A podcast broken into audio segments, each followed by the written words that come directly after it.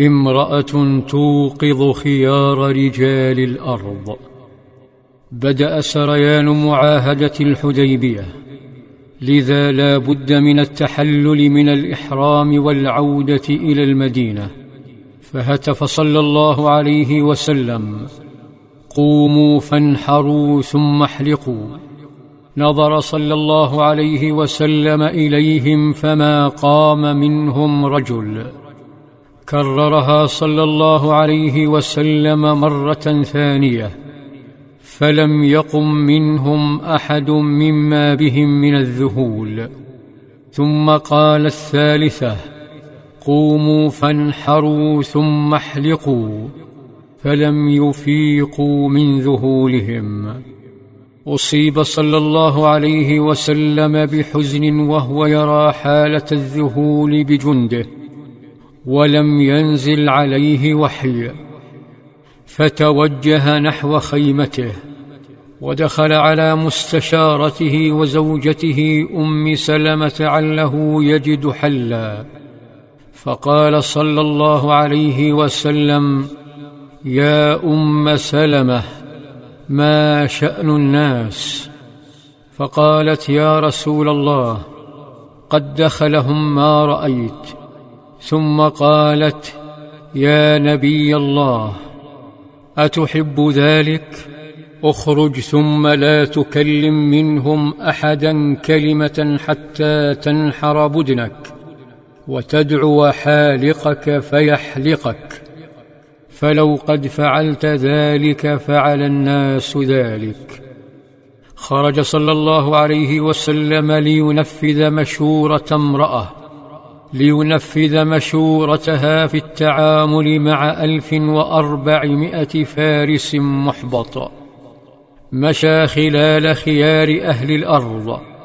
مشى نحو جمل في أنفه حلقة من فضة. يثير الكثير من الذكريات. فأخذه حتى أوقفه قريبا من المشركين. تأملوه. فأثار لديهم المرارة. إنه جمل طاغوتهم أبي جهل الذي ركبه لحتفه ببدر. أوقفه صلى الله عليه وسلم ليغيظهم مثلما أغاظوا أصحابه. وكان هديه في نحر الإبل أن يجعلها قائمة ويوجهها للقبلة ويثني إحدى يديها ويربطها. ثم يسمي وينحر. ولما انتهى صلى الله عليه وسلم نادى الحلاق وجلس فأقبل الحلاق بأمواسه وتناول رأسه صلى الله عليه وسلم فحلقه. كان الصحابة يشاهدون ما يفعله نبيهم. فإذا بهم يفيقون وكأن السماء تمطرهم نهضوا وتوجهوا نحو إبلهم وبقرهم فنحروها. فقال جابر نحرنا مع رسول الله عام الحديبية البدنة عن سبعة والبقرة عن سبعة نحرنا يومئذ سبعين بدنة. قصر بعضهم وحلق البعض وكان مشهد رؤوسهم طريفا وكأنهم قدموا من غزوة فقلما تجد رأسا لا ينزف مما بهم من الغم حتى قال أحدهم جعل بعضهم يحلق بعضا حتى كاد بعضهم يقتل بعضا غما. فقال صلى الله عليه وسلم رحم الله المحلقين.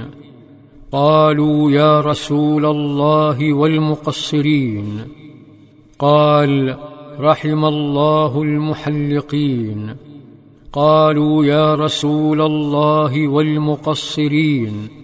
قال صلى الله عليه وسلم رحم الله المحلقين. قالوا يا رسول الله والمقصرين.